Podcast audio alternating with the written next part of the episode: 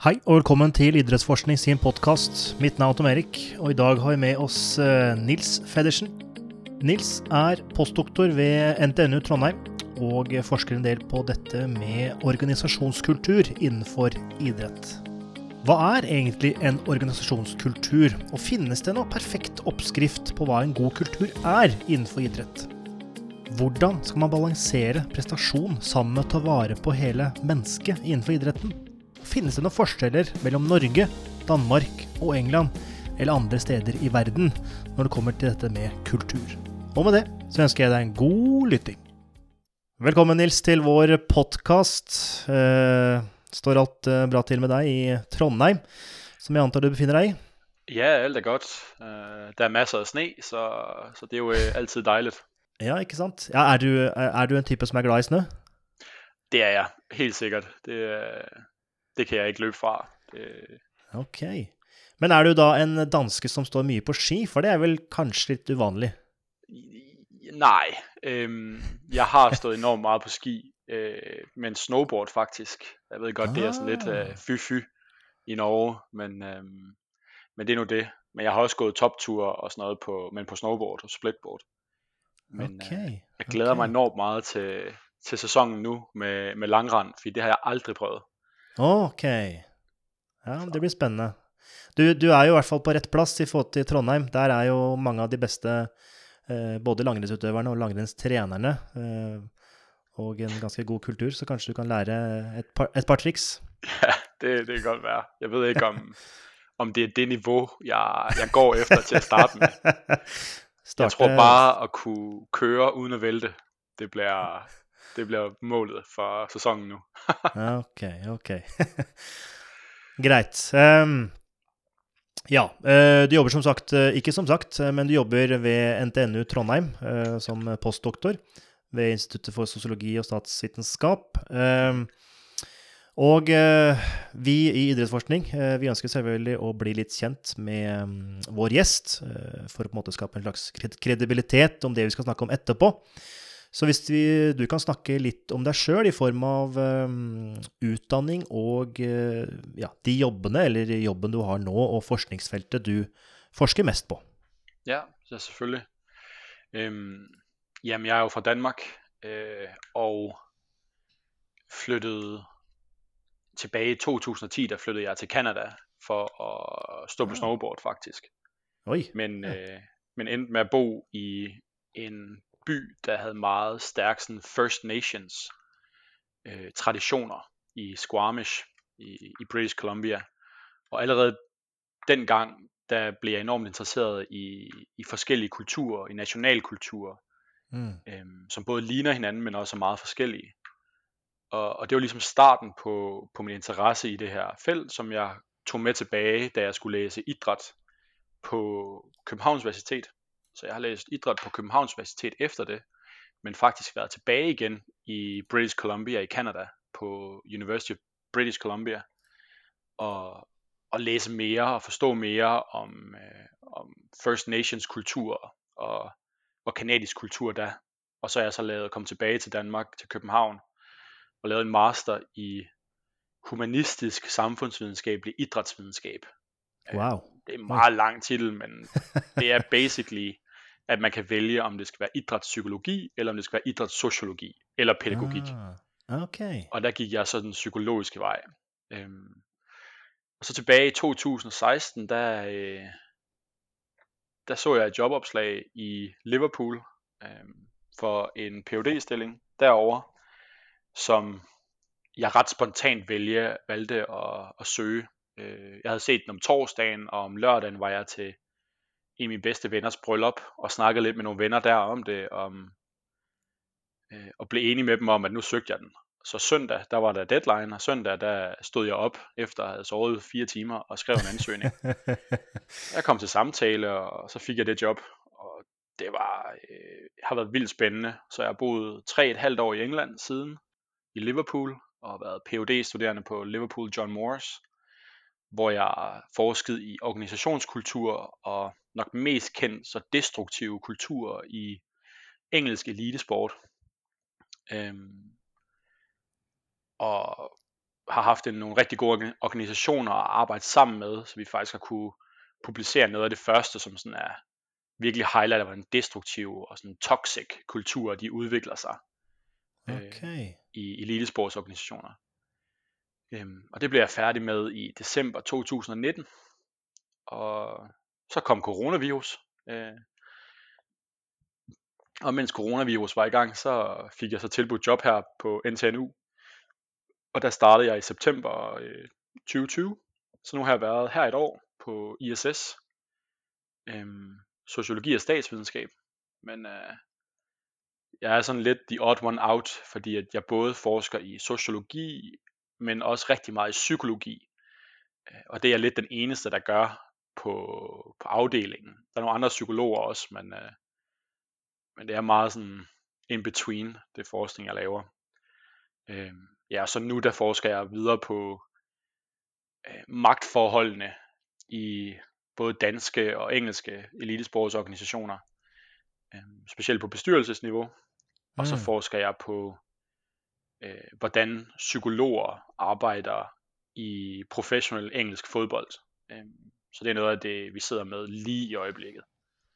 Okay, Jeg håber, okay. det var en lille introduktion. Absolutt. Ehm, så i ehm, arbeidet med din ph.d. eh, inn Mhm. mot eh, engelske organisasjoner, så da var du, i hvert fall ut ifra beskrivelsen på NTNU sine sider, så var du både innom eh, FA eh, og, og Premier League-klubber, altså både på den eh, brede organisasjonsnivå, men også mer ned på klubbnivå, stemmer det? I, I lige præcis det, der havde vi deltagere fra, øhm, fra Premier League, en Premier League klub, og så fra de FA. Øhm, men det var mest for at se, hvordan tingene vi så i olympiske sportsgrene så ud i fodbold, øh, eller i professionelle sportsgrene.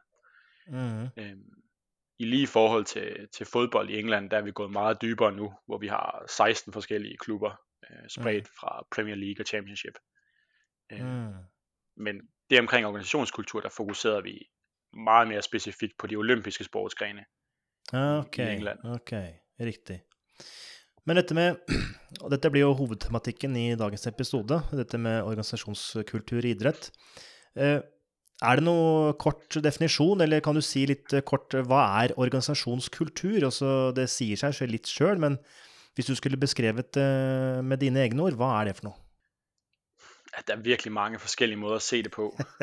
Ja. øh, helt overordnet sagt, så er der tre forskellige paradigmer, Mm. eller tre forskellige måder, man kan se det på. Det ene, det er det, der hedder integration. Det er vældig populært i skandinavisk forskning. Det handler meget om de ting, vi deler. Øh, de værdier, vi deler, de normer, vi deler, de dyder, vi deler.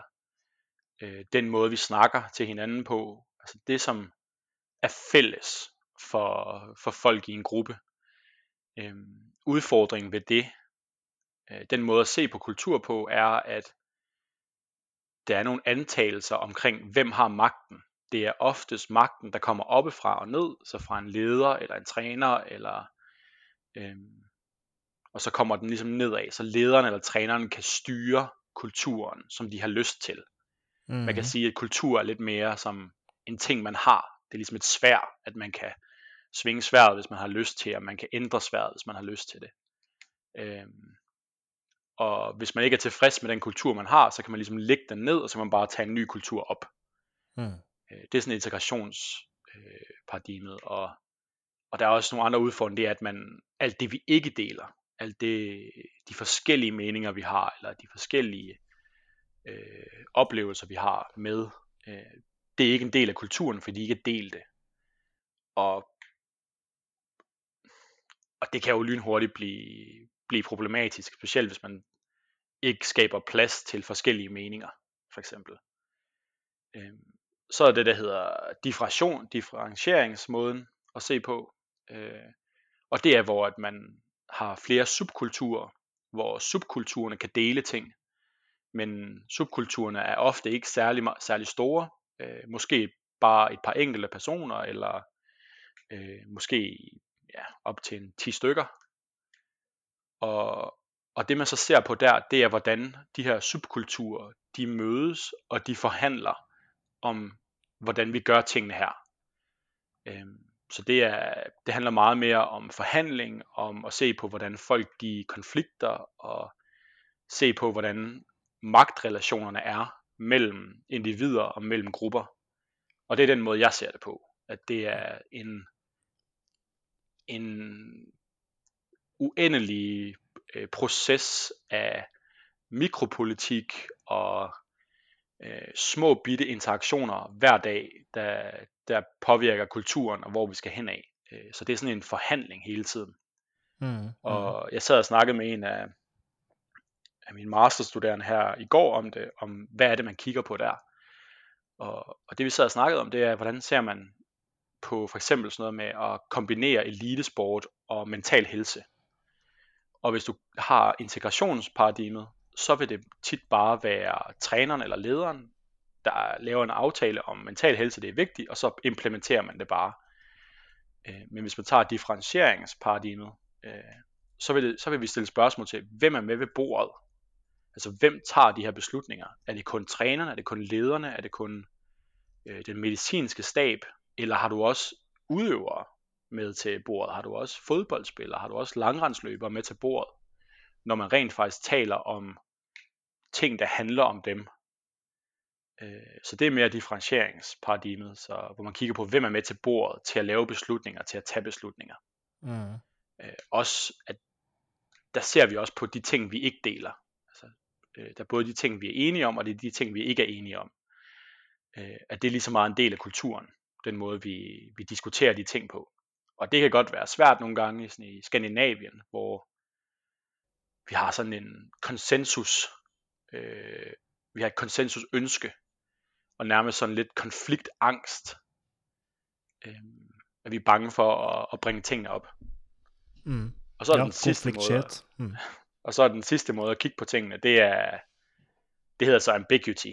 Øhm, og det er... Ambi- Hvad er det, det på norsk, eller uh, ambiguity? Øh, usikkerhed er det vel, en slags fragmentering. Øh, okay, rigtigt. Og det er, at usikkerhed eller fragmentering eller forskellige, forskellige meninger, de er alle steder. Og det er det eneste, der er. Og det er kultur. Øhm, så der slet ikke er noget, vi deler. Alt er bare sådan konflikt mm. eller kontakt, eller øhm, hvis man forestiller sig sådan et flipperspil, øh, hvor bolden den fiser rundt, øh, det er kultur. Øhm. Okay. ja. Men øh, hvis man skal sætte det lidt i um, en kontekst vi kanskje kjenner, um, og du snakket lidt om uh, Var det interaktion, eller var det intraktion? Altså, det handler meget mere om interaktionen. Øh, Inter ok, greit. Interaktion, ja. Men er det da, snakker vi da om Olympiatoppen, Norges idrettsforbund, også dette makt um, Altså dette med å svinge sverdet og legge retningslinjer for klubbene der ute, som igjen vil påvirke spillerne. Er det, er det et godt bilde på uh, dette første, første dimensjonen? Ja, det kan det være. Um, specielt hvis der ikke er noget uh, pushback, hvis der ikke er noget um, nogen, der siger noget. Hvis man bare blindt accepterer ja, riktig. retningsskifter, eksempel. Så ja, det kunne det være. For det, den kan gå begge veier. B det kan Både ovenifra og ned, og nedenifra og opp. Riktig. Ja. Ok.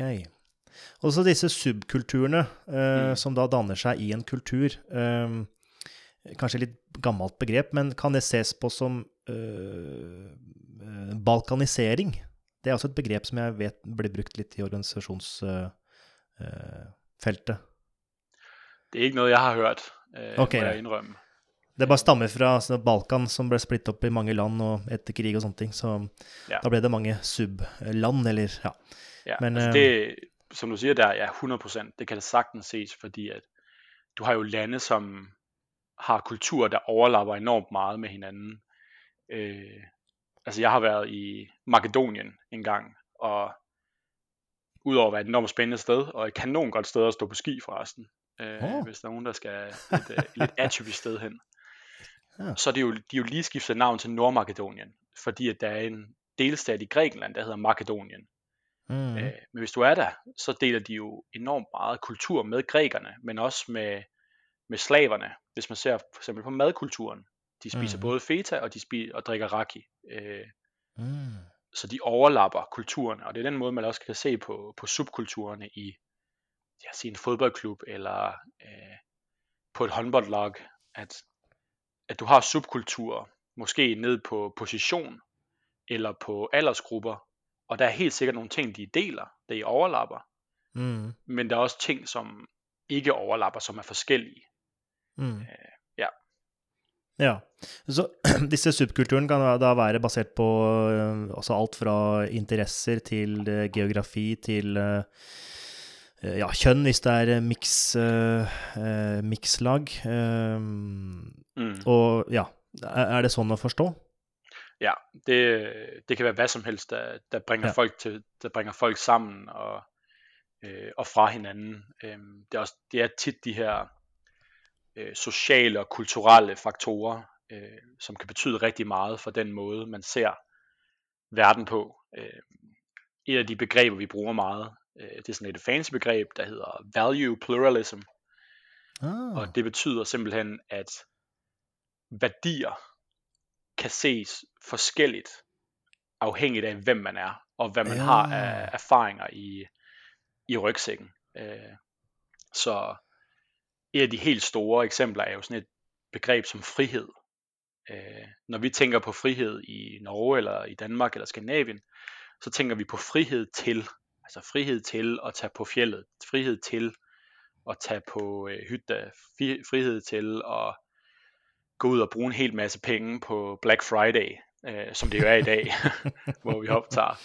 Øh, mm. Det er jo frihed til at gøre en masse ting. Mm. Men hvis du tager frihed, vi har jo også oplevet, hvordan frihed kan være noget andet. Øhm, vi har lige været igennem halvandet år, og skal nok stadigvæk lidt, med restriktioner og med lockdown. Øh, så vi har også nu, hvor vi er i dag, har vi frihed fra lockdown. Frihed fra mange restriktioner. Mm. Øhm, så hvis du spørger mange, eksempelvis flygtninge, øh, som jeg også arbejder meget med, der er det jo frihed fra at blive forfulgt. Frihed fra frygt. Øh, for frygt for din familie, frygt for dit eget liv. Så det er frihed fra øh, ting, som er, kan skabe angst i en. Øhm, og det kan jo se, at bare sådan en helt en fundamental ting, som vi tænker på hver dag, kan ses helt anderledes. Mm.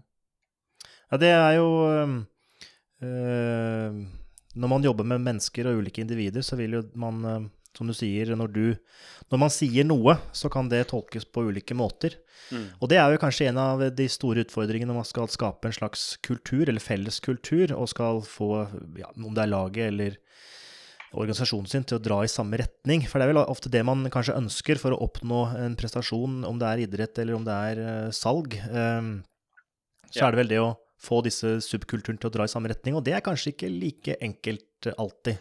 Nej, det er, altså da jeg, da jeg kom fra Danmark øh, og kun havde de her to øh, halve år i Canada sådan i, i rygsækken, så havde det ikke rigtig, det var ikke rigtig gået Øh, dukket op for mig nu. Øhm, jeg tænkte meget på, hvordan kan man skabe en sammenhængende kultur. Der var en masse forskning, der sagde, at en succesfuld kultur, en succesfuld talentudviklingsmiljø, det handler om at få skabt en kultur, vi alle, hvor vi alle sammen er enige om, om værdierne og sådan noget, for, og få skabt det. Mm. Men så kom jeg lige pludselig til England og sad i en dagligdag med kolleger fra hele verden, øhm, og forskede på olympiske sportsgrene og, øh, og hjalp andre med forskning omkring i fodbold og rugby.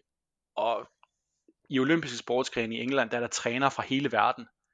Øh, I fodbold i, i England, der er der spillere fra hele verden, som har fuldstændig forskellige tilgang til det. Øh, hvis du spørger engelske spillere i fodbold, så om hvorfor er de gode, jamen det er fordi de har arbejdet hårdt. De, de kæmper for det. Men vi har også set, at hvis du spørger øh, specielt sydamerikanske spillere, hvorfor er de gode, så handler det meget om Gud og religion, og det er nogle evner, de er blevet givet. Ja. Øh, så du har nogle, nogle, nogle helt enormt stærke subkulturer, som skal fungere sammen. Øh, hvor vi i Skandinavien, vi er så ens, eller vi, vi har et, et blik på, at vi alle sammen er ens. Mm. Øh, måske forestiller vi os bare, at vi er ens. Det er der i hvert fald nogen, der mener, at der er sådan noget imagined sameness. At, øh, at vi forestiller os, at vi er ens, selvom vi egentlig ikke rent faktisk er det. Øh, og så kan det jo være nemt at prøve at gå efter den her sammenhængende kultur, men det kan også gøre, at konflikter ikke kommer op til overfladen, og, øh, og at det så i stedet for, at man tager konflikterne i, øh, i opløbet, altså tager dem før de eskalerer, så kan det være, at de simpelthen eksploderer. Mm, øh, mm. Og det har vi jo set nogle øh, eksempler på. Øh, altså for eksempel i dansk svømning, hvor der har været nogle ting for 10 år siden, som ikke har været alt for gode, men det har man fået lagt låg på, og så lige pludselig så eksploderer det hele. Mm. Ja. Ja, riktig. Men det, det er vel det skjer vel øh, ja, kanskje i alle land at man legger lokk på ting, men det er vel avhengig av øh, alvorlighetsgrad. Og kanskje vi i Norge legger lokk på ting på de selv mest trivielle ting også. Øh, fordi vi er kanskje litt konfliktsky og ønsker å tenke at vi er konforme. Og ja, alle drar i samme retning, selv om man potensielt ikke gjør det. Ja, altså det er jo altså det er noe jeg har lagt merke til, efter ha kommet herop, at, men det er nok også, fordi jeg kommer direkte fra, fra England, hvor, mm. hvor man, selvom man er meget sådan høflig, der er meget høflighed i England, og, men når man ligesom kommer op og skal op i, øh, i noget med eliteidræt, så bliver tingene lagt på bordet, hvis der er problemer. Mm. Øh, og tingene bliver taget op. Og det, det er man ligesom ikke bange for.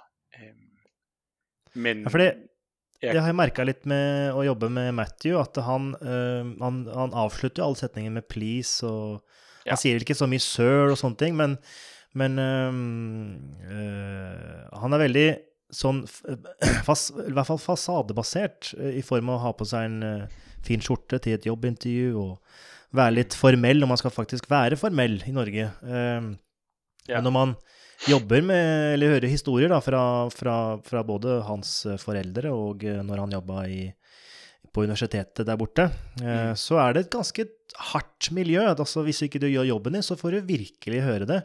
Så det er jo mm. det er veldig sånn Jeg vet ikke helt, men jeg vet ikke om det kalles dobbeltkommunikasjon, eller altså du er såpass høflig, men når ting eh, virkelig Om du gjør noe gærent, så får du virkelig høre det. Da er høfligheten borte. Og det er veldig forskjellig fra norsk kultur, merker jeg. Ja, altså det er, øh, der er nogle, nogle overflade ting, som, altså jeg kan huske, jeg var eksaminator på et kurs på Liverpool John Moores University. Mm. Øh, og jeg skulle sidde og, øh, og tage imod de studerende, og så skulle vi ligesom lave en opgave sammen. Og jeg kunne sidde og se ud af døren, fordi der var sådan en glaspanel i døren, når de studerende kom. Øh, og de måtte have skjorte på altså en, en fin skjorte på, hvis de var gutter, og ellers så må de have pænt tøj på, hvis de var jenter. Det kunne være en skjorte, mm. det kunne være nederdel, øh, slacks eller sådan noget. Øhm, og tit så så jeg de studerende komme i en hoodie og en t-shirt, mm. og så tage hoodien af, og så hive en skjorte op af, øh, op af deres taske, sådan en krøllet skjorte, som ikke har mm. set et strygejern i, i 100 år og så på ja. med den, og så ind, fordi at de fik karakterer trukket fra eller til, baseret på, om de havde skjorte på. Okay. Altså, det er jo wow. fuldstændig øh, galimatias, altså det vil jeg aldrig nogensinde set i Skandinavien. Uh, jeg tror aldrig, jeg har haft en skjorte på til en eksamen. Ikke engang mit masterforsvar havde jeg skjorte på. uh, altså, ikke sant. Uh, Men er det, er det denne Eh, egalit egalitære holdningen vi har her i Norge, en god ting mot å skape en god organisasjonskultur. Altså er det mm, Jeg liker ikke, egentlig ikke å bruke ordet 'best', for da blir det veldig sånn binært og svart-hvitt. Men altså eh, Kan man skape gode kulturer? Det kan man selvfølgelig. Eh, både England og Norge. Eh, selv om disse, Norgene, disse kulturene er forskjellige. Eh, altså, hva er ja, la oss si best, da. Så selvfølgelig kan man det. Øhm, ja. ja, hvad er bedst? Øh, ja. Ja, hva altså, er best? Altså, man ser jo, man ser jo uh, altså, man ser jo prestasjoner uh, over hele verden. Altså, man har jo uh, verdensmestere i alle, alle, kontinentene i hele verden. Så, så det, det, sies jo at uavhengig av hva slags kultur det er i det landet, eller den, det fylket, eller county, state, hva som helst, så er det jo mulig å skape en god kultur, og dermed gode prestasjoner. Mm. Så når, og du har jo da vært eh, Du er dansk, eh, du har studert i England, og du bor nå i Norge og har fått uh, i hvert fall tre inntrykk, og vært litt i Canada til og med. Så uh, det fins vel kanskje ikke noe gulloppskrift på organisasjonskultur, men er det noen sånne felles normer som må til for å skape en god kultur? Altså det er der helt sikkert. Um, det er noen ting der må til for, uh, for å skape en, en, en sterk uh, organisasjonskultur. Men Spørgsmålet er, hvor langt man vil gå som, mm. som klub eller som lag øh, i det her.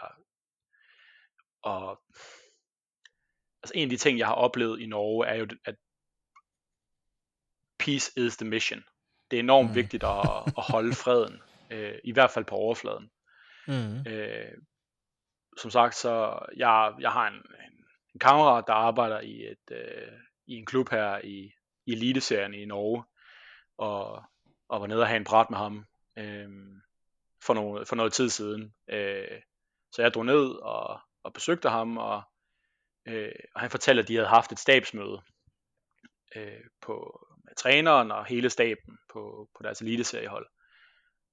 Og, og han har tydeligt kunne mærke, at der var noget under overfladen, at der ligesom ulmede en masse konflikter, Øhm, men fordi at der var så stærkt et keep the, keep the peace øh, tilgang i, i klubben her, så var der ikke, blev der ikke sagt noget til mødet, før han ligesom påpegede, at, at det var dybt dys, dysfunktionelt det her. Altså alle de forslag, der blev lagt på banen fra, fra cheftræneren, de blev jo øh, de blev sådan, ja, ja, måske, og hmm, og ah, og hvad. Men der blev mm. ikke ligesom lavet nogle beslutninger, eller taget nogle beslutninger. Mm. Øh, og det her møde, det varede bare en times tid, eller sådan noget, fortalte han, og, og efter det, så var der drøbmøder fra klokken 2 om eftermiddagen til klokken 6 om aftenen. Så fire timer, hvor forskellige stabsgrupper har mødtes uafhængigt af hinanden og, øh, og vrisset lidt og, og sagt, det, kan, det er også for ringe, og det er også for dårligt, og det er irriterende. Og, mm. øh, så på overfladen kan du have skabt en kultur, hvor, hvor der er fred og fordragelighed, men under overfladen, der er ligesom det her der ulmer konflikten og ulmer øh, øh, kaoset lidt stille og roligt. Øhm, og, og det kan vel umulig være bra? Altså, det må vel være en slags uh, Kanskje ikke fullstendig transparenthet, men det å være uh, Ha muligheten til å si fra, og det føler mm. jeg vel kanskje er lettere i Norge pga. det egalitære, også avstanden fra uh, mannen på bunn til mannen på topp, eller kvinnen på topp og kvinnen på bunn, mm. er mye kortere enn i England. Men samtidig så er det mye tøffere i England, men det er kanskje mer fra toppen og ned, og ikke så fra neden og opp, eller? Så alle mine opplevelser er at, uh, i hvert fall de miljøer jeg har vært i i England, er at folk sier ofte fra, uh, og de mm. gjør det tidlig. Uh, de tar konflikten meget tidligere. Fordi konflikt er ikke nødvendigvis noget dårligt. Øhm, konflikt behøver ikke at, at handle om at vinde en konflikt. Øh, den opstår jo oftest fordi, at vi fortæller hinanden øh, forskellige historier. Altså jeg fortæller mig en historie om, hvad der foregår, mm. og du har en anden historie inde i hovedet om, hvad der, der foregår lige nu. Mm. Øh, og det er når de to historier, de ikke lige overlapper, så kan der skabe en, en, øh, en konflikt. Øh, og der tror jeg, at vi i Skandinavien, og specielt i Norge også, er meget sådan øh, konfliktsky, og vi tager den ikke så tidligt. Vi venter til, at den, den vokser øh, og bliver lidt for stor. Hvor man i de miljøer, jeg har været i England, der tager man den meget tidligere. Mm. Øh, så der kan du tit se en, en assistenttræner, eller en fysioterapeut, eller, eller lignende gå sige til et stabsmøde, øh, altså det kører ikke det her, det er for meget, de træner for hårdt, øh, træning er for dårlig, hvor du så kan have cheftræneren blive enormt gal og sur, og, mm. men så gå væk 10 minutter, kvarter, 20 minutter, øh, måske hvis det er rigtig hårdt kritik, så måske en halv dag eller noget. Men så kom tilbage og sige, ja, I har ret, hvordan gør vi lige det? Og så ikke mm-hmm. bære nag, Mm. Øh, at man ligesom ikke har den med sig videre, hvor og det er måske en antagelse det her, at man øh, i Norge, der tager man den ikke, i, i Danmark tager man den ikke, der fejrer man den lidt under, øh, under tæppet, og så hvis man kommer med kritikken, så vil den, der modtager kritikken, vil føle, det er så personligt, at det er noget, der hænger ved i alt for lang tid. Øhm, så mm. når, jeg, når vi tænker på, hvad er bedst, og hvordan kan man skabe en god organisationskultur, min erfaring er at have boet i, nu i fire lande, og, og arbejdet med, med idræt i, i alle, og på meget forskellige niveauer. Øhm, det er, at det er bedre at tage konflikten tidligt. Altså, mm. Og så ligesom finde ud af, okay, hvad er det for en historie, du fortæller dig selv lige nu? Og hvad er det, jeg fortæller mig selv? Og hvor er det, den, den ikke lige passer? Øh, mm. Fordi ellers så, så kan der ske det her boomer bust, at, øh, at så eksploderer kulturen på et tidspunkt, og så bliver vi nødt til at øh, rense ud, og så få nye folk ind.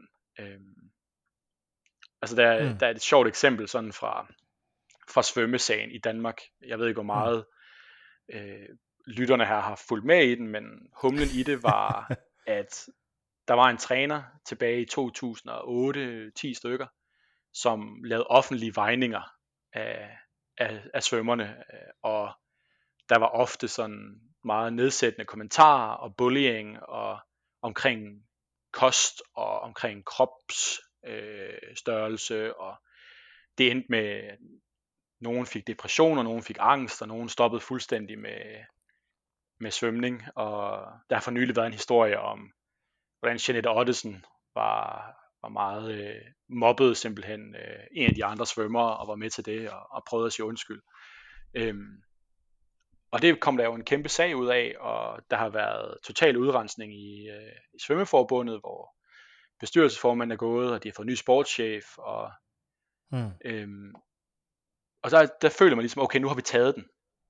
Men der er så historier fra Svømme Danmark, fra svømmeklubber i Danmark, hvor der er trænere, der har sagt åbent, jamen jeg følger Vildebors metode, og Vildebor er den her træner, som var enormt hård og lavede vejninger og sådan noget. Mm. Jamen, vi følger den her metode her, vi træner vildt hårdt og sådan noget.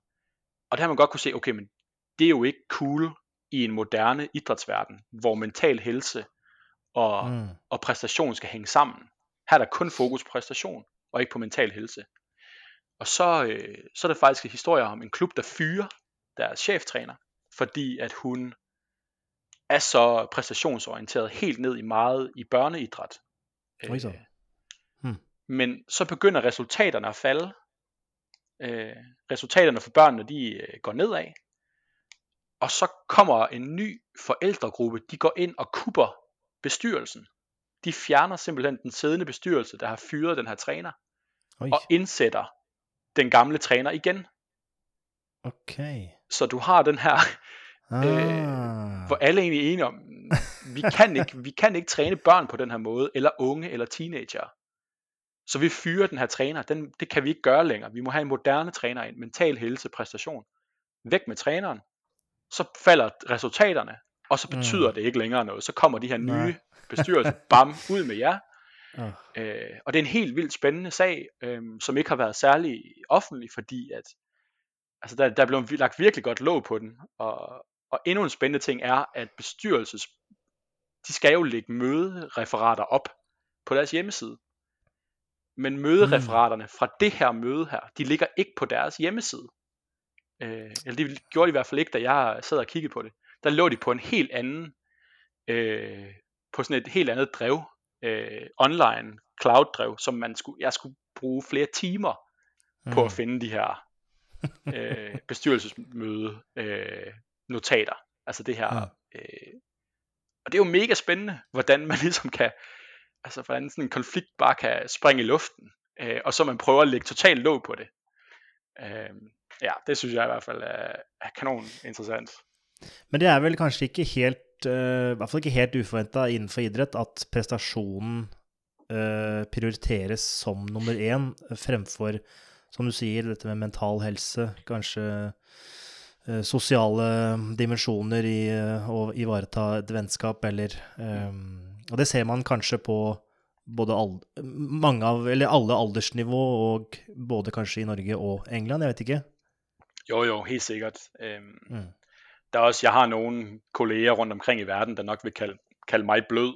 Øhm, altså, jeg er lidt en softie øh, i min tilgang til tingene. Øh, men altså, jeg er specielt når i mit, i mit, i mit job med elitesport, der handler det om at, at skabe gode præstationer. Det handler om, mm. øh, om virkelig at gå efter det, de høje hvad hedder det, resultater. Men jeg plejer at sige at, øh, til folk, at mine ambitioner de er meget højere end bare at vinde guld. Øh, altså jeg vil, øh, jeg vil altid gå efter at gøre det bedst muligt. Øh, og jeg forventer enormt meget af mig selv, og jeg forventer også meget af andre. Øh, både mine studerende og mine samarbejdspartnere og, øh, og dem jeg forsker med. Øh, mm. Men det handler rigtig meget om indsats også. Men den her måde at se på tingene, at, at folk ikke er hele mennesker, at, øh, at folk det kun handler om resultater, det er, det er ekstremt gammeldags.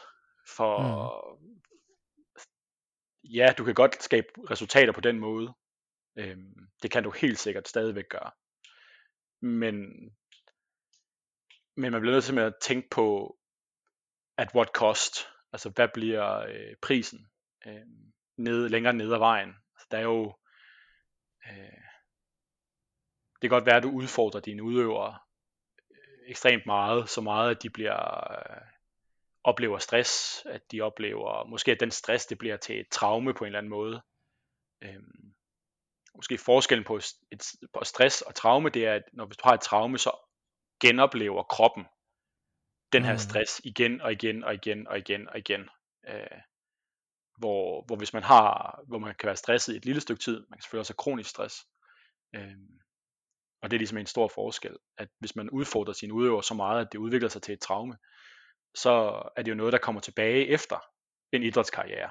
Og det kan tit være, øh, altså der er jo enormt meget spot på, øh, på kost lige nu, specielt med kvinder, som mm. bliver nødt til at, øh, som i mange årtier er blevet vejledt til at lave nogle helt vilde øh, vægttab, som kan gå ud over deres hormonniveauer og deres, øh, deres mens, og, og ikke være særlig sundt for dem som krop, og det er jo noget, der kan forfølge dem øh, mm, mm. lang tid efter en idrætskarriere, fordi de kan skabe osteoporose og træthedsbrud og, og sådan nogle ting. Øh, så det er simpelthen en, en gammeldags metode at, at, at gå på. Hvis man er moderne, en moderne leder vil, vil langt højere grad være øh, mere autentisk, have mere blik for, hvordan matcher man livet uden for øh, løjpen med livet på løjpen. Øh, hvordan tilpasser man træningsloaden øh, til, til mm. det, der mm. sker udenfor. Øh, og være meget mere sådan, hvad hedder det, øh, øh, altså i, i sport, der, vil man, der tror man tit, at lederen skal være sådan en, der, der leder oppefra og ned og får folk til at gøre ting, men en mere moderne leder vil være mere sådan subservient, altså være støttende øh, ja. og faciliterende. Mm, mm. Men øh, det å jakte på de aller høyeste prestasjonene samtidig og ivareta mennesket, altså utøveren, og, og det mentale og alt det medbringer, mm. det er jo jeg er helt enig at det eh, burde være førstepri. Men eh, når man da ser, i hvert fall i Norge, da, så er det jo eh, mange idretter som ikke har like mye ressurser i form av penger. Mm. Som igjen gjør at de én utøver, ett lag, har kanskje bare én trener. Og det vil si at den treneren skal helst både ha en um, ikke psykologisk bakgrunn, men iallfall kunnskap innenfor psykologi og, og, og, og ja, uh, det å ivareta en, et menneske. Uh, det å behandle det som et menneske, men samtidig også ha kon kontroll og kompetanse inn mot idretten. Det å trene personer riktig, mm. trene personer sammen og, og skape prestasjoner. Så det skaper jo en ganske høy forventning, spesielt i de, de idrettene der det er lite penger og at ressursene er små. Uh, og da blir det vel kanskje en prioriteringssak, dessverre, fordi treneren lever av resultater, mm. og ikke av uh, friske mennesker, eller ja, kall det hva du vil. Men ja. uh, vil ikke det være en litt sånn utfordring? Jo, helt sikkert. Altså, du, du rammer sådan hovedet på sømmet. Det ved jeg ikke, om man også Mm. siger i Norge, at det er altså det er en kæmpe udfordring. Ja, for det første vil jeg sige, at de bedste trænere, specielt i Skandinavien, øh, er rigtig gode menneskekendere, Mm. er, er gode til lige at, at have en lille prat med, med alle sine udøvere, og være ret god til at finde ud af, hvad der lige kører for folk i øjeblikket. Øhm, sådan uden for, uden for sportens arena. Øh, Så det er jo en rigtig, rigtig god start, at folk er allerede dygtige til det. Og så er der jo et, et fint supportnetværk, hvis man kommer længere op i, i elitesporten, eller er rigtig talentfuld i Norge, at der er øh, støtteapparater fra Olympiatoppen. Øh, Mm. og der er sikkert også støtteapparater omkring NTG og Vang og idrætsgymnas og sådan nogle ting. Øh, for dem, der er inde omkring det, omkring ernæring og sund idræt og, og, sådan, og sådan nogle ting. Øhm, men som du siger, så, øh, så er der, så lever trænerne nogle, og oftest af resultater af, hvad de kan producere. Øhm, og som jeg sagde lidt i starten, så har vi jo den her forskning om, om hvordan idrætspsykologer de arbejder i engelske fodboldklubber, og det er specifikt i øh, engelske fodboldakademier, og vi har i England der er der sådan tre, fire forskellige kategorier af akademier. Der er kategori 1, som er de mm. bedste, dem der får mest funding, og dem der er bedst til at udvikle elitefodboldspillere. Så er der kategori 2, som får lidt mindre funding, og der er lidt færre krav, men de kan stadigvæk godt udvikle. Så er der kategori 3, som, øh, som er igen øh, lidt mindre, og så er der kategori 4. Og kategori 1 til 3, de har spillere fra u 9 til u 23, men kategori 4 har kun spillere fra u 17 til u 23. Så det er kun nærmest øh, altså de sidste øh, årene der. Men de må, på kategori 1 må de have en øh, idrætspsykolog. Og, og, dem, Okay. og kategori 3, øh, så vi har 10 idrætspsykologer, der arbejder for kategori 1 klubber.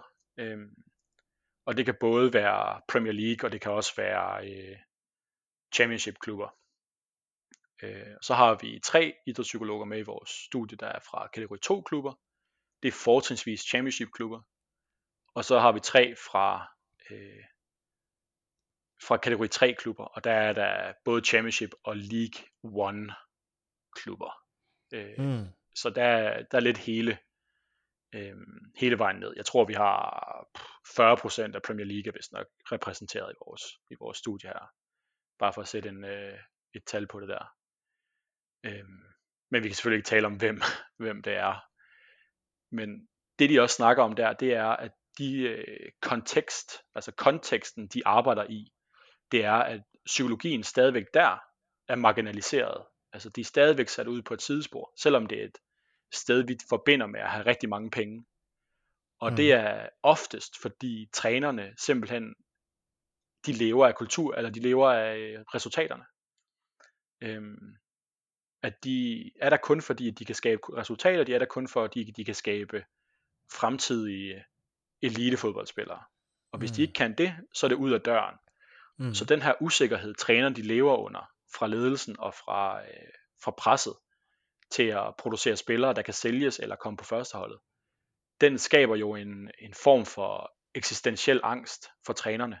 Øh, Mm. er i hvert fald vores, vores deltagers øh, tanker omkring det. At de er bange for deres eksistens, de er bange for deres job, de er bange for øh, at skulle miste deres job, og så skulle til at finde noget nyt. Og det er de fleste mennesker jo, er jo bange for at miste deres job. Øh, så derfor lægger de en gang imellem vægt på, på resultaterne frem for den mentale helse. Øh, og hvis man går ind og kigger på det i sådan et kulturperspektiv, så er det jo øh, sådan en form for systemisk magt, som mm. folk de ligger under. Det er et pres eller en, en top-down magt, hvor klubberne de øh, beder trænerne om en ting, og de beder psykologerne om en anden ting. Øh, så trænerne de bliver bedt om at udvikle spillere, og psykologerne de bliver bedt om at prøve at holde dem mentalt friske, eller øh, Mm. give dem mental helse. Og det er lidt det Og samme. Ja, Der er det vel en konflikt med at uh, treneren har vel mest innflytelse fremfor idrettspsykologen, og dermed så vil prestasjon prioriteres. ja det, øh, det kommer virkelig an på den klub, har vi så også fundet ud af, hvor meget det, Mm. øhm, hvor meget der bliver lagt vægt på, på psykologien. Altså nu hvor der, der er et krav fra Premier League, at øh, kategori klubber skal have en øh, psykolog på deres, øh, på deres akademi, så må de jo have en psykolog. Men fra man er 16 år gammel som øh, fodboldspiller i England, der er man på noget, der hedder en schoolboy contract. Det er sådan en toårig kontrakt mellem 16 og 18, mm. hvor man er fuldtids fodboldspiller. Øh, så du kommer, det betyder, at du kommer ind på klubben om morgenen, klokken 8 eller 9, så er der morgenmad, så er der præaktivering, så er der træning, øh, så er der måske noget øh, fysisk i styrkerummet, så er der lunch, øh, igen måske noget video, noget taktik, træning igen om eftermiddagen, og så kører man hjem før mm. aftensmad. Mm. Så du er der fra klokken, altså du er der ligesom om det var et job, men mm. hver dag for de her unge spillere er fuldstændig skemalagt med træning, med pre-activation, med strength and conditioning, med taktik. Og en af de ting, som meget ofte ikke er skemalagt, mm. det er tid til at gå til idrætspsykologen. Øh, fordi den, den viden, trænerne har, eller mange trænere havde, det var, at det gode idrætspsykologi, det er, at vi lige kører et, øh, en, en workshop. Mm. Så er det fint nok, så har vi kørt idrætspsykologi. Og det er også det, som øh, Premier League de skriver i deres policy-dokument, det er, at idrætspsykologi skal indeholde øh, mental træningsworkshops, sådan noget psychological skills training, men ikke nødvendigvis gruppe, øh, gruppesessioner eller en-til-en sessioner, som man nok i højere grad vil kalde cutting edge, altså research-based øh, cutting edge psykologi der. Så det er de første, der ryger ud, hvis det, hvis det ligesom ikke kører. Øhm, og det er blandt andet på grund af policy-dokumenterne, på grund af presset på trænerne øhm, og sådan nogle ting. Og så er det også fordi, at det er enormt nemt at kvantificere styrketræning og ja. nutrition og biomekanik og sådan nogle ting. Det, man kan bare vise, se, nu, nu øh, vi giver dem så mange kalorier, de bruger så mange kalorier, øh, strength and conditioning, de løber så langt. Øh, det kan man jo også i Norge. Altså, der er jo rigtig gode eksempler fra de her Ingebrigtsen brødre, at mm. de får kvantificeret øh, laktat, og mm. øh, når de løber, og hvor langt de løber osv. At det er ret nemt at sætte hårde tal på. Men psykologien er meget mere fluffy. Ja, ja. altså det er, det er svært at sige, øh, at den her person er blevet mentalt stærkere, mentalt svagere, mere sårbar, øh, mere robust. Øh, det, man kan selvfølgelig lave et spørgeskema, men vi kender nok alle sammen, at vi kan have dårlige dage og gode dage, at der er langt mere op og ned, altså det er meget mere flux i det. Og der er det jo igen Så... sådan kulturen, ikke, og der påvirker den måde, man arbejder med mental helse på i, øh, i fodbold. Mm. Men vil du si at det er en mer sånn reaktiv uh, kultur? Dvs. Si at man uh, sender uh, utøveren til idrettspsykologen når det faktisk har skjedd noe galt, eller sånne ting, istedenfor å ha en proaktiv kultur der, der, man har litt mer jevnere Altså får det inn på dette timeplan, da, på spillerens ukeplan, f.eks. Ja, det, det vil jeg helt klart sige. Altså det, det er også det, vi hører fra, fra deltagerne der, at, at det er ekstremt reaktivt, at øh, man ser lidt på det som en, øh, ja, en form for en skade, ikke? Øh, mm, at mm. nu brød den her spiller sammen på banen og græd, og øh, nu må vi hellere sende personen til psykologen, fordi at der er en mental deficit eller et eller andet, øh, i stedet for at bruge det proaktivt. Øh, og, og arbejde på tingene, før tingene sker. Og, hvilket egentlig er meget interessant, at altså det er jo derfor, man laver styrketræning. At du laver styrketræning, fordi så er din krop mere robust, og så får du færre skader. Øh, men man gør ikke ligesom det samme med, med psykologien. Der er selvfølgelig noget mellem at, med at lave hård træning og med øh, at gennemgå gå udfordringer i, i sin karriere, der, der giver noget robusthed, men det bliver ikke gjort særlig systematisk. Men mm. når det er sagt, så er der også nogle klubber, som altså langt de fleste de har en idrætspsykolog ansat til 160 spillere. og 40 staff members. Og der skal man ligesom være idrætspsykolog for, både for staff og for, øh, for spillere, fordi at, altså burnout for trænere er lige så stort problem. Øh, og det skal man jo også være på omkring. Øh, men så er der nogle klubber, som har et stort team. Øh, der er tre af vores øh, deltagere, de indgår i, i de her store teams. Og der er et team i en Premier League klub, der har seks sportspsykologer øh, tilknyttet. Øh, og det dækker så både seniorlaget og, og ungdomsakademiet. Så de har masser af folk hele tiden øh, til at kunne overse det, øh, eller til at kunne se, altså øh, kunne, kunne arbejde med alle. Øh, og der arbejder de helt anderledes. De arbejder både proaktivt, og de arbejder øh, også reaktivt selvfølgelig. Øh, så, så kulturen er jo helt klart øh, påvirket av ressurser. Ja, i de her tilfælde helt sikkert. Ja. Øh. Men er, er denne kulturen på det å ja, I hvert fall øh, det jeg hører det du sier, øh, altså en slags nedprioritering av mental helse, altså idrettspsykologi, er det en engelsk kultur? Er det en fotballkultur? Er det en engelsk fotballkultur? Ser man det samme eh, i Norge? Ser man det samme i andre idretter i England?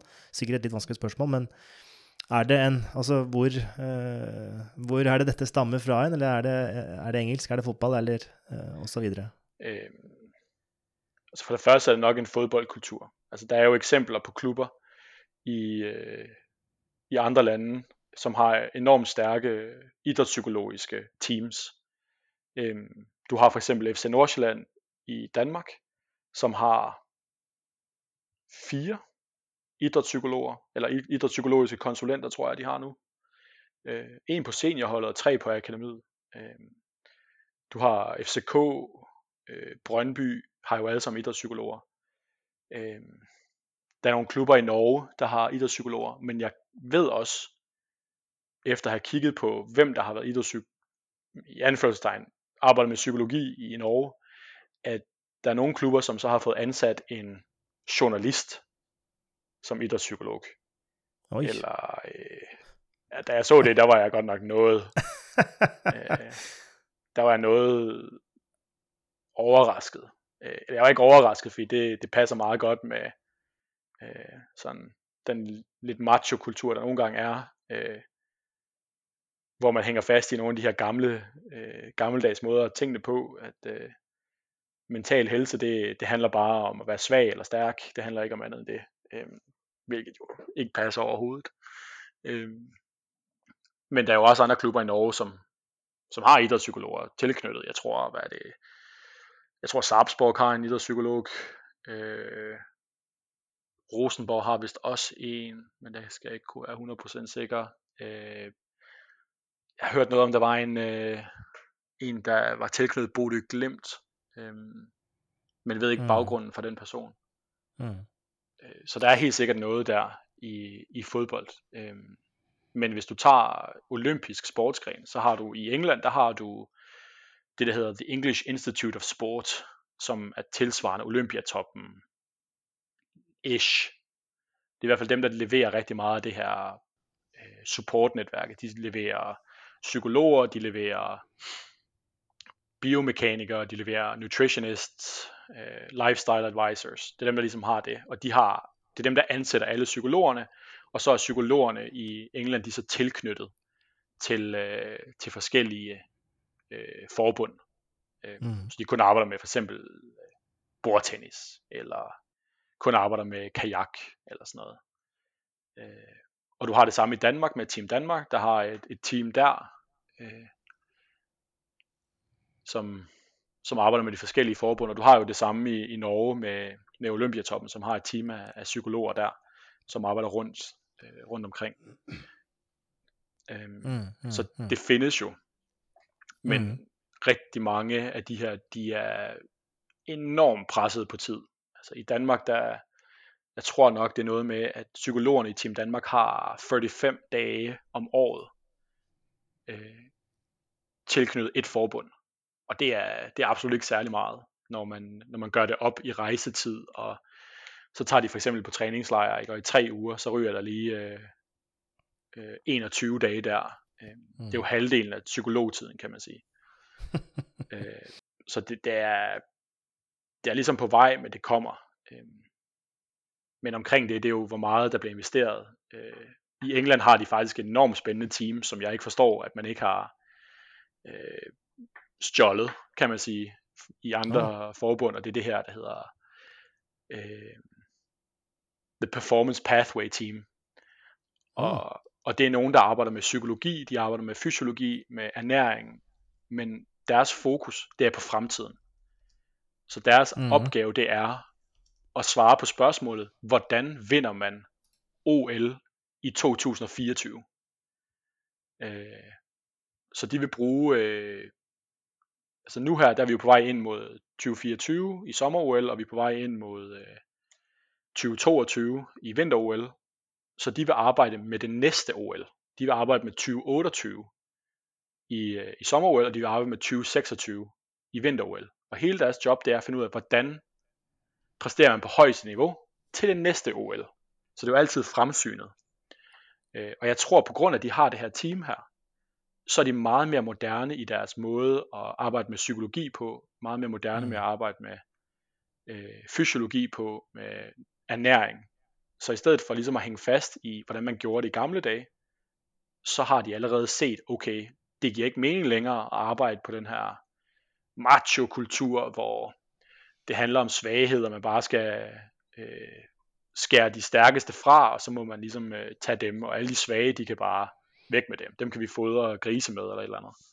De havde allerede set, at okay, psykologi i fremtiden, det handler meget mere om resilience, det handler meget mere om, hvordan man kan være sårbar øh, i et miljø, og hvordan man tilpasser tingene. Øh, så meget mere fremsynet. Ja, ja, absolut. Og det er, vel, eh, det er jo en stor utfordring å få til det, for det mm, Som du nevnte litt innledningsvis, at ulike personer har ulike perspektiv på ting. Mm. Eh, og det å være mentalt sterk vil være ulikt for hvert individ. Eh, og da må man skape en slags rom for å vise eh, sårbarhet, svakhet eh, og den slags. Og det, den kulturendringen der, den vil vel ta ganske lang tid? Så ja, det er jo... Øh, det kommer an på igen, hvilken måde man ser den her øh, ser kulturen på, ikke? Øhm, hvis man har det her integrations, hvis man har integrationsbrillerne på, som vi snakkede om til at starte med, det her, hvor alle deler det hele. Øh, den måde, man ser på kulturændring der, det er, at det hele det er smukt og dejligt, det er en hvid sandstrand og, øh, og pina coladas. Der er ingen, øh, der er ingen problemer. Mm. Og lige pludselig, så kommer der en djævel i paradis og ødelægger det hele, og så eksploderer alting. Og så går man igennem sådan en periode, hvor alt det er øh, kaos, og så finder man ligesom, okay, men det var kaos, nu finder vi de her nye værdier, bum, og så siger vi, okay, det er vores nye værdier, og det er vores nye kultur, og nu er det det. Og så går man igennem sådan endnu en periode, hvor man øh, tror, at alt er godt, og alt er paradis, og man har sådan noget gruppetænkning, hvor man ligesom bare fortæller hinanden, og klør hinanden på ryggen og siger, jamen alt er godt. Og så kommer der endnu sådan en kaos situation, fordi man ikke lige får, får taget det. Så der kan kulturændringer godt gå enormt hurtigt, øh, fordi man bare aftaler, jamen nu har vi en ny kultur. Øh, hvis man har det her differentieringsparadigme, som, som jeg arbejder mere ud fra, der vil du som træner eller du som leder ikke fokusere så meget på at ændre kulturen drastisk. Der vil du arbejde mellem subkulturerne. Det vil være dit job. Du vil være konfliktmaler hele tiden. Du vil være god til at se, okay, jer herover, hvad synes I, hvordan arbejder I med tingene, hvad, hvad er jeres udfordringer lige nu? Og så vil man gøre det med de samme, med de andre subkulturer, så man hele tiden arbejder ind mellem subkulturerne og bare sådan lære af erfaring og lære af, øh, øh, af de udfordringer, man møder, og den måde, man kommer forbi dem, altså den måde, man løser problemerne på. Så man er sådan en, øh, ja, så som jeg siger, en konfliktmæler, en kommunikator, øh, som er god til at, at løse problemer, når de opstår, og, og komme videre fra dem. Og der tager kulturændring, kan tage enormt lang tid, øh, specielt mm. hvis kulturen har været meget destruktiv. Øh, så igen sådan i det et af de forbund, jeg lavede min PhD i, der, altså de mistede jo alle deres funding-penge efter 2016 i OL, fordi at de havde gjort det meget dårligt igen. Øh, så de fyrede alting. Alle præstationsansatte blev fyret. Trænere og sportschef og analytikere og alting blev fyret. Øh, og så gik alt præstation og alt talentudvikling, det gik over på frivillige, øh, frivilliges hænder. Og det tog de jo med glæde og fik jo en enorm høj status i, i deres sportsmiljø rigtig hurtigt. Men så kom Sport England og UK Sport og gav dem flere penge til at starte noget nyt, for at prøve på, på en ny måde. Netop det her med, at du har haft paradis, så er du kaos, og så prøver at starte et nyt paradis. Så får de nye penge til at starte en ny talentudvikling og ny senior øh, elite pathway her.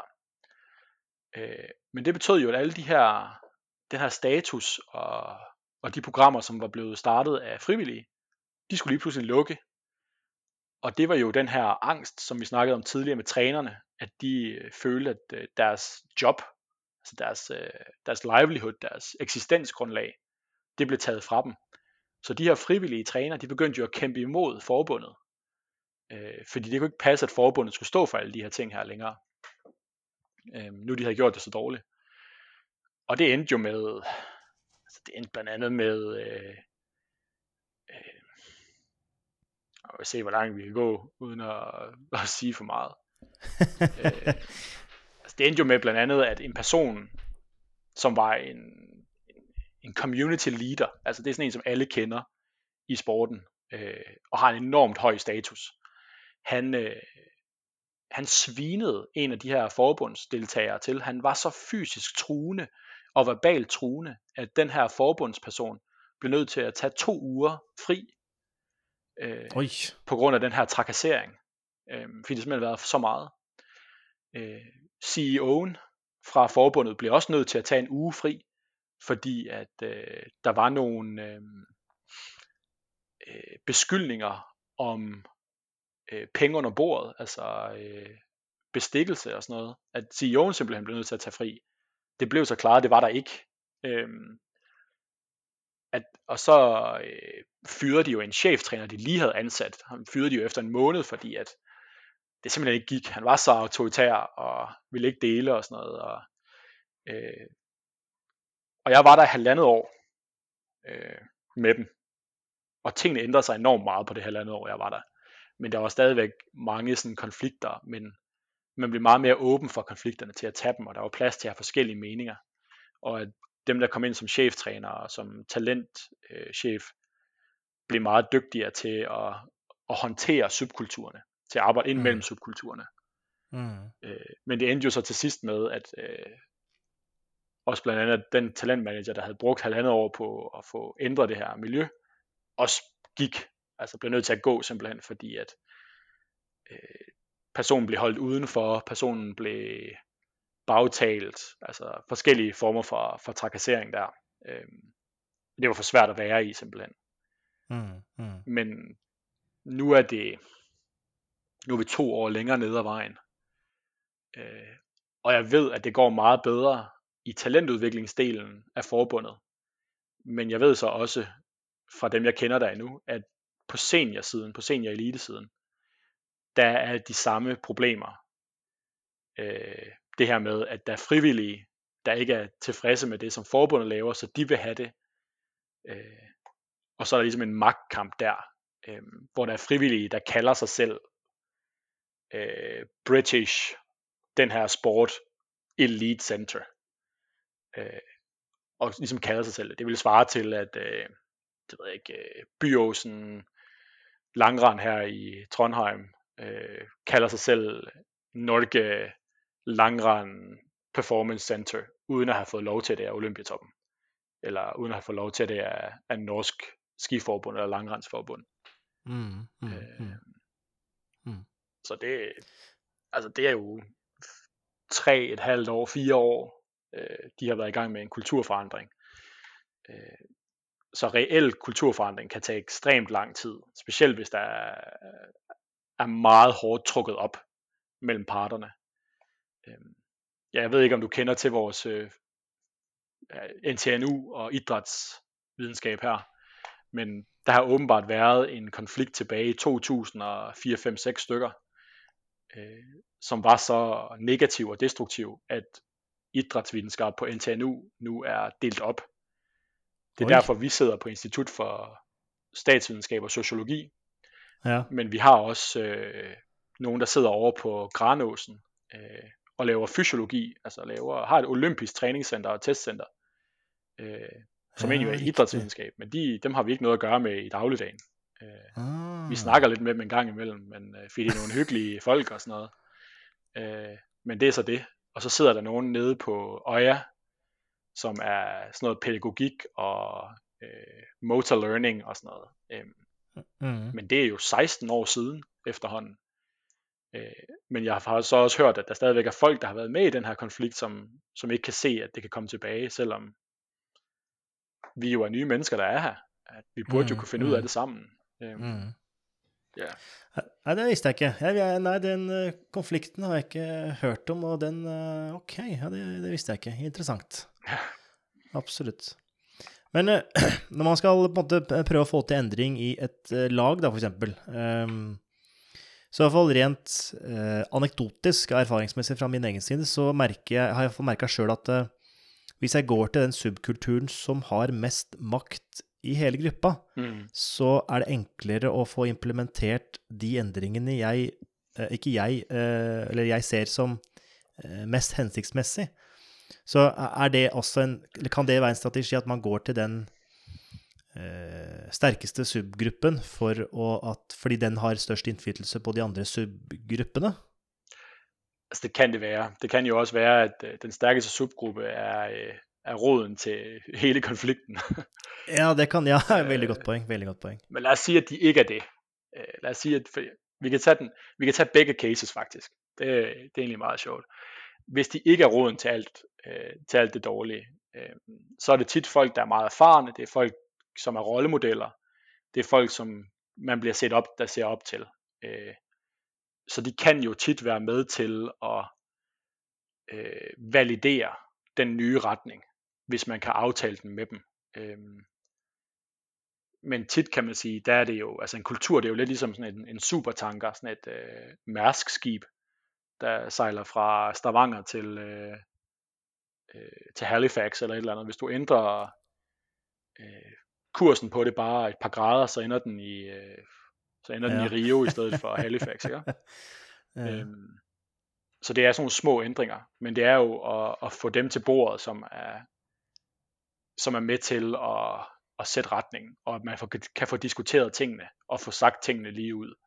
Altså det er for at få skabt det her, øh, vi snakker tit om psykologisk sikkerhed, øh, mm. og psykologisk sikkerhed, det handler faktisk om, at der er åbenhed for, at man kan sige sin mening, uden at man bliver mobbet eller øh, øh, trakasseret eller ridiculed, altså da folk laver sjov af en. Øh, at man rent faktisk kan sige, når der er noget, der ikke kører. Øh, og det er noget af det allervigtigste, og det er noget, som vi kan være rigtig dårlige til i Skandinavien, fordi at vi ikke siger, når, når tingene ikke kører. Så er der ligesom ikke psykologisk sikkerhed nok til det. Øh, men få skabt det, så man kan få, få sagt de ting, og så få se, om man kan blive enige om nogenlunde en vej. Men hvis du bruger den her den stærke subkultur til at få alle andre til at rette ind eller makke ret, så får du bare tit så får du skabt noget mere øh, udfordring i bunden på en eller anden måde, som vil komme op på et eller andet tidspunkt. Øh, og det bliver man nødt til at tage hen ad vejen. Så det er meget mere sådan iterativt. Altså det er sådan ligesom at rette stille og roligt. Øh, man, hele tiden så lærer man at blive klogere og har, øh, har møder, har snakke, hvor man hele tiden justerer tingene. Øh, også selvom man arbejder med den stærkeste gruppe. Øh, og det er godt, og det er et mega cop-out svar også. Altså det er godt, det er sådan lidt væverne og lidt vagt. Øh, men det er fordi, at det vi ser, det er, at når folk de bare tvinger en kultur igennem, eller smider folk på, øh, på porten, altså smider folk ud af en klub, øh, fordi de ikke passer ind eller et eller andet, så, så, kommer, så kommer konflikten tilbage igen øh, mm. rigtig hurtigt. Fordi man ikke har fået, man har ikke fået taget fat i de underliggende anxieties eller bekymringer hos folk. Og det er ligesom der, man bliver nødt til at starte. Og det gør man med at skabe den her psykologiske sikkerhed. Sådan så Okay. alle folk tør sige, hvad er det, der går mig på? Hvad er det, der bekymrer mig? Hvad er det, der irriterer mig? Øh, og det kan man gøre med den stærkeste gruppe, men det bliver man nødt til at gøre med alle grupperne. Måske i små grupper, måske en til en til at starte med. Og så handler det om for træneren, eller for lederen, og for, for holdet ligesom at samle stille og roligt og male imellem grupperne. Mm. Øh, Men, men øhm, denne psykologiske tryggheten i det å på en måte, ikke miste jobben sin, for eksempel, da, eller ikke Mm. miste plassen sin på laget, eller etc. Vil det da, dette er eh, bare en spekulativ hypotese selvfølgelig, vil det da um, si at um, uh, offentlige organisasjoner, type stat, type kommune, fylke, er bedre å jobbe i enn det private? Fordi det er vanskeligere, altså du kan ofte si din mening lettere i en offentlig jobb, i hvert fall føler jeg sjøl, enn i det private. Fordi i privat så, så kan man uh, Altså, du kan bli sparka i begge ender, men eh, det er kanskje vanskeligere å bli sparka i offentlig sektor. I hvert fall har jeg hørt eh, rykter om det. Mm. Det er et virkelig godt spørgsmål. Øh, Jeg tror, det handler om at skabe rummene til psykologisk sikkerhed. Altså, Mm. det kan jo være, altså jeg havde øh, en samtale med en leder på et tidspunkt, og det var jo sat op som sådan en medarbejdersamtale, hvor medarbejderen mig har mulighed for at sige de ting, som jeg ikke synes kører. Øh, og i det forum, der kan jeg jo sige, bør jeg kunne sige stort set hvad som helst. Øh, af de ting, som jeg er utilfreds med, eller ikke synes kører særlig meget. Men der er skabt et forum der, hvor, hvor der er plads til, at man kan sige det. Øh, det ville nok være lidt mærkeligt, hvis jeg gjorde, gik rundt og gjorde det hver eneste dag, og, øh, og brokkede mig hele tiden. Øh, og det tror jeg både, du kan skabe i private, men også i offentlige. Men selvfølgelig, altså jeg tror i Norge, specielt i offentlige virksomheder i Norge, der er det jo enormt svært at blive fyret. øh, Ja. Så vidt jeg ved. Ja, det, det er helt sant. Men de har jo også en slags eh, Fra den eh, blå, blå, blå regjeringa vi har hatt, så har det jo blitt en økning av eh, midlertidige stillinger. Mm. Så det er jo en slags usikkerhet også i offentlig sektor. Men om det starta med den blå eller den røde foregående, det er jeg litt usikker på, men Nej, det er helt også en sikkert. ting. Øh, Ja. Det er det absolut. Øhm, men det handler om, hvis du er en god leder, så får du skabt rummene for, at folk kan gøre det. At folk kan få sagt de her ting her. Øh, og det, er, det kan så vidt være privat, det kan så vidt være øh, øh, i det offentlige. Men jeg tror nærmere, det er, det er ned til, hvordan man, man skaber sådan en feedback-kulturen i en, i en organisation. Altså hvis du får skabt psykologisk sikkerhed, så får du skabt rummene til, at alle mennesker kan, kan komme med deres, øh, de ting, som ikke kører godt, og de ting, de, de bekymrer sig over, at de synes ikke er okay. Øh, hvis du ikke får skabt psykologisk sikkerhed, så vil folk gå med dem alene inden i sig selv, og sikkert ikke have et særligt godt arbejdsliv. Øh, så, ja. Eh, I de tingene vi har diskuteret diskutert nå hittil, øh, i form av at ha denne psykologiske tryggheten, i form av å ha trygghet i jobben eller som utøver eller den slags, og ha, ta vare på det helhetlige mennesket ved å ha idrettspsykologer tilsatt, og at det blir brukt proaktivt, Mm. sammen med med at man får lov til å si sin mening eh, og den slags, er det eh, For jeg refererer da til denne artikkelen du hadde i 2020, eh, dette med 'destructive culture' Mm. in elite sport. Altså, er det, er det, er det eh, For jeg har ikke lest hele, fordi det er bak betalingsmur, dessverre. Ja. Eh, er det det som på en måte kommer opp her? Eh, er det andre destruktive ting som vi, vi kan i hvert fall ra- raskt nevne før vi, før vi runder av, enn det som vi har gått gjennom hittil? Ja, helt klart. Altså, de ting, som var, var enormt destruktive der, det var, at øh, folk, de følte sig udfordret på deres eksistensniveau. Altså øh, Mm. mm. trænerne, de her frivillige, eller de, øh, de træner, som ikke deltog i forbundet, de mistede jo udøvere, de mistede penge, de mistede indkomst. Mm. Øhm, og de mistede ligesom deres status i, øh, i miljøet, altså de, i hierarkiet. Og så begyndte de at, at kæmpe for at få deres, øh, deres job tilbage, eller deres, deres indkomst tilbage, og, deres, og for at beholde deres status i hierarkiet.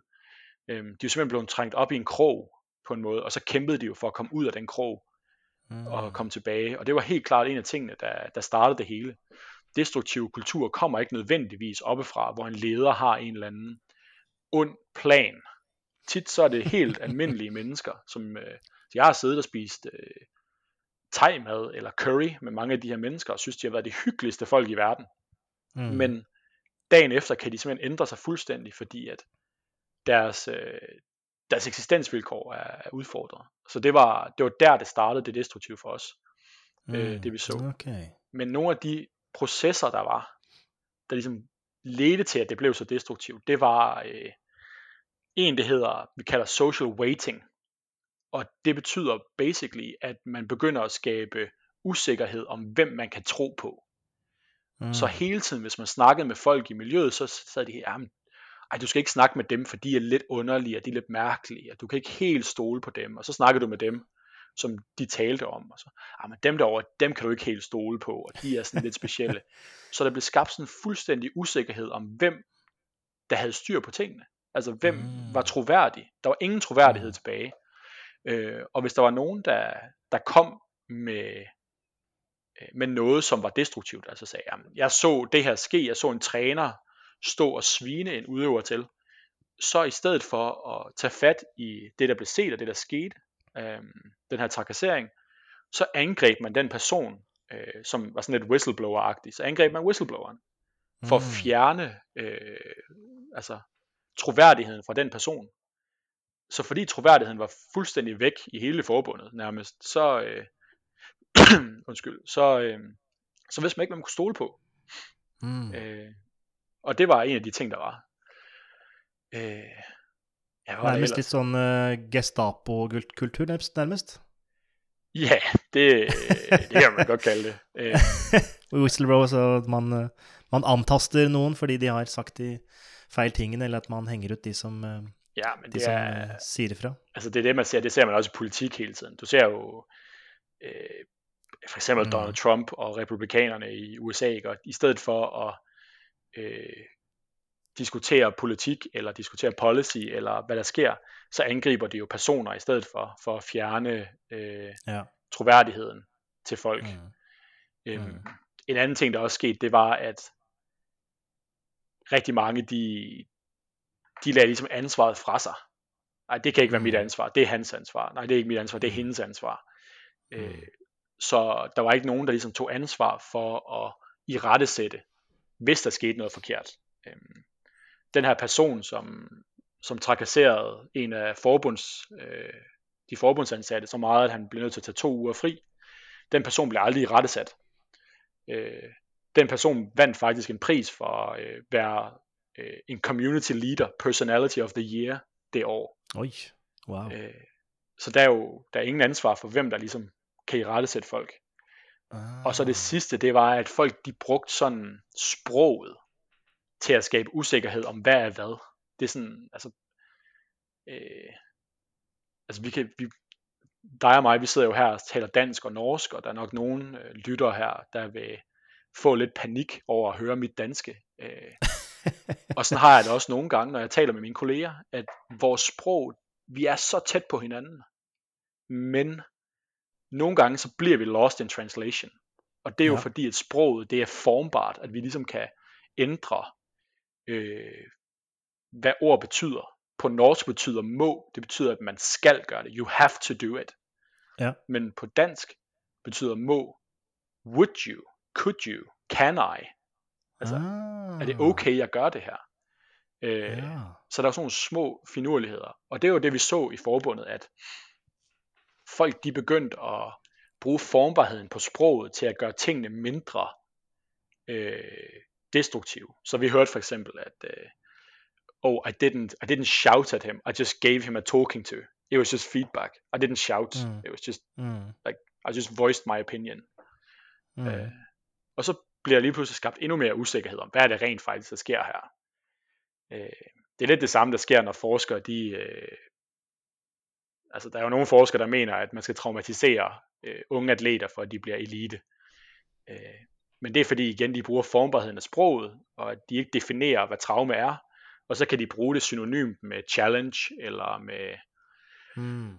med udfordring, eller med, øh, hvad kan det de bruger det? Øh, ja, sådan nogle ting.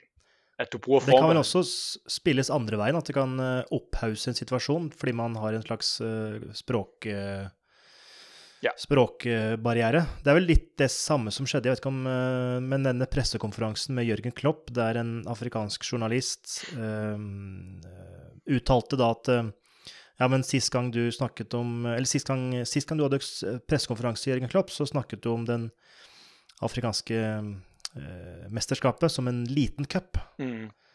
Eh, men da sa da Jørgen Klopp at ja, men jeg brukte There's a little cup. Eh, altså det var en slags engelsk tale, Mm. eh, talemåte, men som da den afrikanske journalisten tok som eh, nedverdigende, altså at man snakket om en liten, eh, ikke-viktig cup. Det var jo ikke helt tilfellet. Jeg vet ikke om det er samme type eksempel. Jo, det kunne være præcis det samme. Øhm, det handler jo rigtig meget om, om modtageren, øh, og det er jo Mm. noget, vi alle sammen vi er udfordret på i øjeblikket om. Øh, og nu kan vi gøre, vi kan komme ind i en meget nørdet diskussion nu om, øh, om filosofi, om, øh, om deontology eller consequentialism, øh, Mm. fordi at consequentialism, det handler om konsekvensen af det, du siger eller det, du gør. Og det er enormt let, det er enormt nemt. Altså, det er så nemt at være ekspert, når tingene er sket. Eller øh, hvis tingene er faldet negativt ud. Øh, men det er meget sværere at navigere ting sådan i real time. Øh, og det er ikke nødvendigvis altid, at, at ting er ment, ligesom Klopp her, det er, ikke, det er ikke nødvendigvis, at han mener det nedværdigende. Mm. Mm. Øh, men der er, nogen, der, der er altid nogen, der modtager det nedværdigende på en eller anden måde. Og det ser vi jo også på Twitter og sådan noget, at der er altid nogen, der vil føle sig stødt over, over noget, folk siger. Øh, der er sikkert også nogen, i, der lytter til den her podcast, der vil føle sig angrebet af noget af det, jeg siger. Det kan godt være. Øh, men der har jeg sådan, min, min personlige filosofi er sådan lidt, at uh, we're all the bad guy in someone else's story. Ja, sant. Øh, og der er altid nogen, der vil synes, at jeg er en klaphat, altså en idiot et eller andet sted. øh, helt sikkert. Nogle af mine studerende synes sikkert, at jeg er vildt irriterende, fordi at, øh, jeg stiller krav til dem til, øh, i fagene og sådan noget. Men, men det er jo sådan lidt, det er, min, min intention er aldrig nogensinde at, øh, at være det. Og det er jo sådan deont, deontology. Øh, det er omkring, hvad intentionen er. Øh, men det er jo enormt svært. Det handler om, hvordan folk del, modtager, og, og igen sådan om, ja, det, vi er kommet ud i en meget lang diskussion omkring filosofi der. Jeg tror, vi Ja. stopper den her. Ja, for det, jeg, eh, bare sånn, eh, et spørsmål som jeg lurte litt på nå. For denne eh, ja, Kall det krenkekulturen, da, eller at mottaker tar det alltid feil, eller ja, som Mm. du sier, at eh, vi alle er en bad guy i noens historie. Eh, da virker det for meg som at det å skape en kulturendring, eller, eller hvordan man Det vil jo påvirke organisasjonen veldig når vi begynner å bli eh, veldig følsomme, eller at eh, Jeg, jeg veit ikke helt. Altså, vil denne nye utspringet av denne krenkekulturen eh, påvirke organisasjon, organisasjoner, og hvordan man behandler organisasjoner på en eller annen måte? Altså, det må jo være mer utfordrende, i hvert fall i mitt, min skalle. Altså det, jeg tror, du har ret øhm, i, at det kan være mere udfordrende, specielt omkring sådan krænkekulturen. Øh, det kommer Mhm. igen tilbage til, at vi har alle øh, forskellige baggrunde, vi har alle de her forskellige sociokulturelle øh, erfaringer i vores rygsæk, og, og vi ved ikke, hvad folk kommer med, øh, når vi snakker med dem, eller når vi taler med dem. Så på den ene side, så handler det jo både om at øh, vise respekt over for, for andre, dem man ligesom, dem man er sammen med. Øh, og nogle gange, når man modtager noget, så kan det også godt være, at man lige skal tænke over, øh, eller, eller måske være nysgerrig, før man stiller sig på bagbenene. Øh, der er en gut, der har en, en podcast, som er helt fantastisk, der hedder Mm. Conversations with People Who Hate Me. Oh. Øh, og hans, altså den, det er, at han snakker med, han er queer, amerikaner, øh, og han har kun samtale med folk, der ligesom har skrevet hadbeskeder til ham på Twitter eller på Facebook eller sådan noget, øh, for at finde ud af. Og han snakker rigtig meget om, at, at det handler lidt om at have tålmodighed i samtalen, og så lad det være en samtale. Det er ikke en samtale, du, du nødvendigvis behøver at vinde. men du bliver nødt til at finde ud af, hvad er det, der gør, at den her person siger de ting, den person siger, så vær nysgerrig. Og der er helt sikkert, hvis, hvis samtalen er negativ, og, øh, og du kan mærke, at det ikke er godt for dig at være i den samtale, så er der altid muligheden for bare at gå og sige, den her samtale, den er ikke god for mig, nu går jeg. Øh, og så kan man tage den op på et andet tidspunkt. Øh, men det her med at være nysgerrig på, hvorfor er det folk siger sådan, at øh, fordi folk de kommer med alt muligt forskelligt i, i, i bagagen, og jeg tror mange af os, der sidder og lever nu her, midt i en pandemi, midt i global warming, eller climate change, og øh, vi synes, at livet godt kan være lidt vanskeligt en gang imellem. Mm. Øh, mm. Men jeg er ret sikker på, at mine forældre, de også synes, livet var ret vanskeligt, at de var 30 år gamle. Ja. Fordi at de, det har været i 80'erne, det har været øh, atom, øh, at, altså, der var atomkrigen, det var tæt på, øh, der var et Østtyskland og et Vesttyskland, og der var Golfkrigen, øh, senere var der fugleinfluenza, og før det har der været store kriser. Hvis du tror, at livet er komplekst for dig lige nu, så prøv at overveje, om folk tidligere ikke også synes, at deres liv det var komplekst, og de bare har prøvet så godt de kan at, øh, at navigere det. Øhm, så sådan lidt mere ydmyghed og lidt mere, øh, lidt mere tid øh, og lidt mere nysgerrighed på, hvordan kan det være. Og hvis det virkelig er fordi, at personen er racist eller sexist eller øh, øh, hader kvinder eller øh, hader mænd eller mm. øh, transkønnet eller intet køn eller så videre, eller det er en negativ samtale, så er der også muligheden for at fjerne sig fra den. Og selvfølgelig sige det, hvis det er i, øh, hvis det er i din organisation, at man tager det op med sin værneombud og sådan nogle ting. Øh, men krænkekulturen er, den er virkelig, den er, den er super spids. Øh. ja, den er uh, veldig um, polarisert, vil jeg vel kanskje si. Ja, det er, vi siger i Danmark siger vi spidsvinkling. Ah, okay. At man hele tiden spidsvinkler alle ting. Ja. Og det er tit sådan nogle samtaler, som man kan mærke, de går nedad. Så i stedet for at, at blive der på det, som egentlig var den originale øh, disagreement, øh, så begynder man bare at tage alle ting op i mm. hele verden, øh, som ligesom er, er polariserede problemer lige nu. Og så kan man godt mærke, okay, så er den her samtale måske ikke produktiv. Mm. Øhm, ja. Bra. Jeg merker at uh, Jeg merker at uh, jeg, uh, jeg, Dette er veldig interessant, men uh, hvis vi åpner opp denne Pandoras esken her, så tror jeg vi sitter her i hvert fall i, i en og en halv time til. Ja. Vi begynner å nærme oss 90 minutter. Jeg tenker at denne episoden har vært såpass innholdsrik og eh, gitt oss mange gode perspektiver eh, på hva en organisasjon eh, eh kanskje burde være, og kanskje ikke burde være. Mm. Eh, og litt sånne tips til eh, organisasjoner der ute, trenere der ute, kommende Og for ut, utøvere også. så dette har vært veldig informativt og, og, og lærerikt, Nils, så, så takk for det. Ja, tusen takk fordi jeg må være med. Hvis folk ønsker å følge din virksomhet videre rent sosialt og digitalt, hvor er det de kan følge deg? Altså, de kan følge meg på, på Twitter. Det er nok der jeg er mest aktiv. Det er Nils underscore NTNU.